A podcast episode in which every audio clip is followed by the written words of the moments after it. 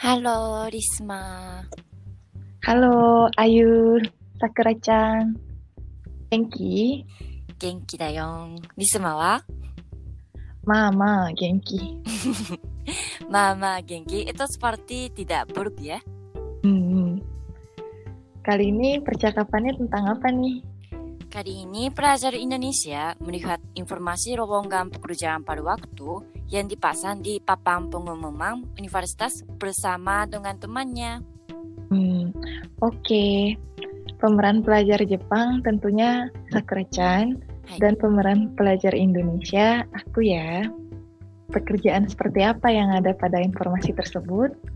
simak percakapan ini ya, teman-teman. 求人情報がたくさん出ているね。 Ayu san wa arubaito shimasu ka? するつもりだよ。週3日くらいかな。そうですか。どんなアルバイトがいいですかうーん、カフェのフロア係が気になっているところ。カフェですかいいですね。そうでしょこの求人情報を見ると、大学の近くの飲食店の時給は1300円くらいだね。ディナータイムは1500円。時給1500円はなかなかですね。うん、魅力的だよね。リスマちゃんはバイトする私もしようと思っています。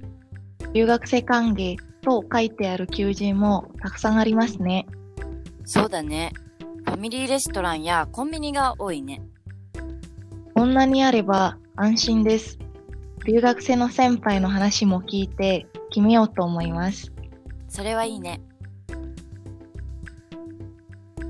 Selanjutnya kosakata yang perlu diingat adalah 求人、 lowongan pekerjaan, 情報、 informasi, アルバイト、あたうバイト、 kerja paruh waktu, つもり、 berencana untuk, 気になる、 tertarik, 飲食店、 restoran, 時給、 upah per jam, 魅力的、 menarik, 歓迎、 menerima atau menyambut, 決める。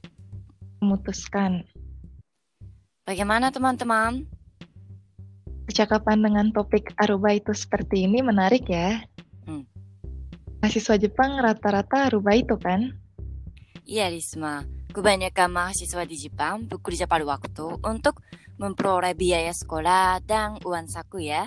Hmm, keren ya. Hmm, Biasanya aruba itu di Jepang bisa di restoran, atau serba kombini itu ya, supermarket, kafe, dan lain-lain ya. Benar ya, Ah, kerja pada waktu juga akan menjadi peluang bagus ya untuk merasakan bagian dari budaya Jepang. Hmm, kalau untuk pelajar asing di Jepang, ada aturan khusus kan? Ada ya, Ah, pelajar asing yang tinggal di Jepang dengan izin tinggal ryugaku, ah, maksudnya belajar di luar negeri, harus mendaftar shikakugai katsudo, ah, kegiatan di luar syarat izin tinggal gitu ya, untuk mendapatkan izin kerja pada waktu. Hmm, berarti harus dapat izin dari imigrasi dulu ya. Hmm, Biasanya di Zairyu Kado atau kartu Hmm. identitas izin tinggal itu nanti akan ditulis izin tersebut.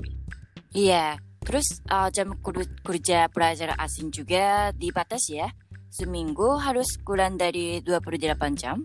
Hmm, kecuali saat libur panjang, misalnya Hmm. liburan musim panas tuh.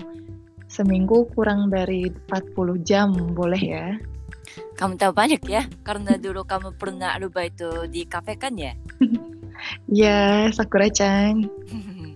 Asik sih, meski capek ya karena harus terus berdiri dan bekerja selama 6 jam. hmm. Setiap saat bilang, "Rashaimase."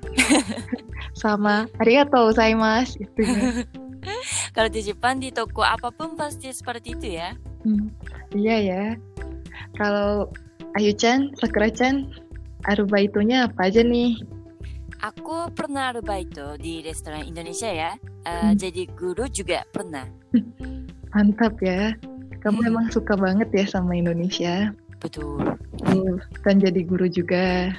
Hmm, keren ya. Gaji per jam pasti tinggi juga nih. Hmm, standar aja sih. Kalau di Tokyo memang tinggi ya, bisa lebih dari 1000 yen. Tapi kalau di daerah lain selain Tokyo, mungkin sedikit lebih rendah ya. Hmm, Arubaito itu bisa jadi satu pengalaman yang unik ya.